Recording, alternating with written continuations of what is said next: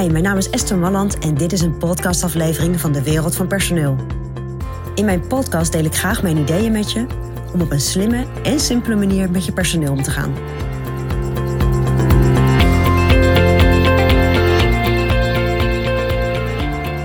Hi, dit is Esther Malland vanuit de Wereld van Personeel.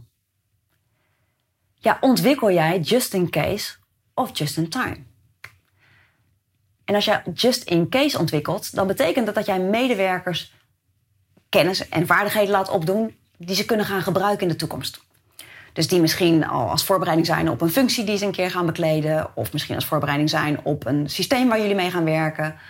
Of misschien zeggen, joh, we willen heel graag internationaal eh, doorbreken. En dat wordt ook de Duitse markt. Dus ga alvast maar Duits leren. Dat is just-in-case ontwikkeling. Je hebt ook just-in-time ontwikkeling. En bij just-in-time ontwikkeling, dan ontwikkel jij je medewerkers op het moment dat het nodig is. Dus je zorgt dat ze de kennis en de vaardigheden opdoen op het moment dat ze dat direct kunnen toepassen. En daar zit een groot verschil in voor mij. Want op het moment dat je investeert in just-in-time, dus oké, ze hebben het nu nodig, dan weet ik eigenlijk zeker dat je investering ook echt goed rendeert. Dus je, je goed rendement hebt op je investering, omdat ze direct gewoon in de praktijk gaan brengen en ze dus kunnen gaan oefenen met hetgene wat ze vers geleerd hebben. Nou, en ook zien hoe dat werkt. En misschien kunnen ze nog even wat navragen of nog even wat checken. Dus de investeringskosten die je dan doet om iemand goed te ontwikkelen, ja, die zijn goed besteed dan. Dat is een grotere uitdaging als je just in case gaat ontwikkelen. Dus als je gaat ontwikkelen voor de toekomst of voor een toekomstige situatie. En dat gebeurt ook best wel vaak als mensen willen doorgroeien. Dat je zegt, nou ga alvast maar zo'n cursus of zo'n training doen. En dat is helemaal prima, daar is niks mis mee, want het is mooi. Hè? Je geeft alvast een stuk vertrouwen in je medewerker.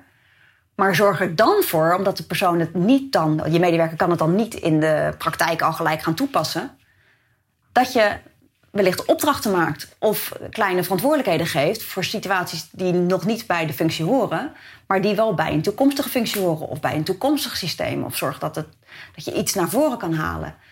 Dus zorg er altijd voor dat als je medewerker kennis en vaardigheden opdoet, dat hij daar ook gelijk mee kan oefenen. Want als je dat niet doet, ja, dan is het effect van die ontwikkeling, dat wordt steeds kleiner. En dat zou gewoon heel erg zonde zijn. Dus realiseer je ook als je bijvoorbeeld een leiderschapstraining laat volgen door iemand die nu nog geen leider is, maar die alvast een beetje inleert, dat je ook wat opdrachten geeft. Of wat verantwoordelijkheden geeft. Of misschien een project geeft waarin hij al wel aan de slag kan met die, met die vaardigheden die hij heeft geleerd. En daarmee kan gaan oefenen. Want dan wordt het effect groter van, uh, van je investering. Nou, dat is mijn persoonlijk advies vanuit de wereld van personeel.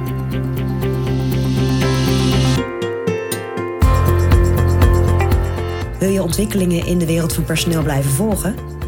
Abonneer je dan op ons podcastkanaal. Ook op onze website vind je allerlei slimme ideeën en adviezen. Dus kijk even rond op www.dewereldvanpersoneel.nl.